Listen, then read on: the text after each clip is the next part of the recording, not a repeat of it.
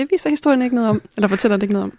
Wow, nå, fedt for, for ham og for Fyn. God business. Ud og finde nogle trøfler. Klokken halv ni. Nu er der nyheder på Radio 4.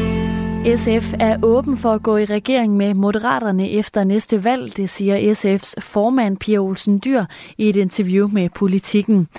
SF-formanden vil helst en S-SF-regering, men lige nu er der ikke noget, som tyder på, at det vil være realistisk, og derfor vil det med stor sandsynlighed kræve et midterparti.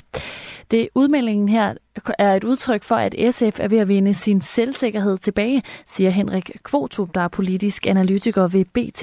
Han peger på, at SF i de nyeste meningsmålinger står til at blive det andet eller tredje største parti. Pia Olsen Dyr er ved at, at genvinde på partiets vegne den øh, selvsikkerhed, som partiet mistede sidst man var i regering derfor omkring øh, 10 år siden. Øh, det følgende valg førte bare til, at de fik øh, syv mandater. Nu er SF på vej op ifølge meningsmålingerne. SF afviser en regering med Venstre, som det ser ud nu, blandt andet på grund af Venstres holdninger til klima- og landbrugspolitikken, siger Pia Olsen Dyr. Hvis SF skal gøre sig forhåbninger om at komme i en regering, så kræver det altså at kigge på de to midterpartier, Moderaterne og det radikale Venstre. Hvis hun så skal have et ekstra parti ind og give de der afgørende mandater, så er hun nødt til at regne Moderaterne med, fordi der ikke er andre partier, der vil kunne levere den bare forestilling om, at øh, øh, Venstre kunne det eller ville det, øh, og det er hun jo også selv inde på, er fuldstændig naiv. Så den står og falder med Moderaterne. Og det siger Henrik Kvortrup, der er politisk analytiker ved BT. Nye borgerliges Martin Henriksen har politianmeldt skoleleder Jakob Delgas fra Borup Skole. Anmeldelsen kommer efter, at TV2 og SNDK har afdækket, at flere elever i indskolingen har været udsat for trusler, vold og voldtægt. I anmeldelsen står der blandt andet, at skolelederen bliver anmeldt for ikke at gribe ind over for overgreb begået mod børn.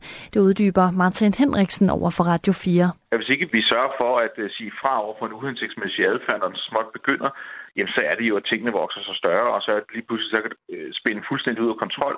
Og det var noget, der tyder på, at øh, det, er, det er det, der er sket her. Midt- og Vestjyllands politi har bekræftet over for TV2, at de har modtaget en anmeldelse, der vedrører sagen på Borup skole. Og Martin Henriksen lægger ikke skjul på, at det er ham, der har indgivet anmeldelsen, og at det drejer sig om skolelederen. Demokraten Tom Suozzi overtager en plads i kongressen efter den skandaleramte republikaner George Santos blev smidt ud sidste år. Suozzi overtager pladsen efter et ekstraordinært valg i delstaten New York i repræsentanternes hus. Det skriver den amerikanske avis The New York Times. Sejren for demokraterne betyder, at republikanernes allerede smalle flertal i huset bliver endnu mindre. Det ekstraordinære valg blev en realitet efter, at George Santos blev bortvist af sine kolleger i december. Han blev smidt ud af huset på grund af en række løgne om sin baggrund samt en tiltale for svindel. Den planlagte opsending af en månelander er blevet udskudt, det oplyser Elon Musks rumfartsvirksomhed SpaceX, som står for opsendingen af den ubemandede mission. Ifølge SpaceX dropper man at forsøge sig med en opsending på grund af uregelmæssige metantemperaturer. Målelanderen den skal i stedet sendes afsted i morgen. Overskyet med regn. I løbet af dagen bliver det mere tørt, dog med mulighed for dis eller tåge. Temperatur mellem 3 og 7 graders varme. Vinden den aftager og bliver svag til let. Det var nyhederne på Radio 4 med Sofie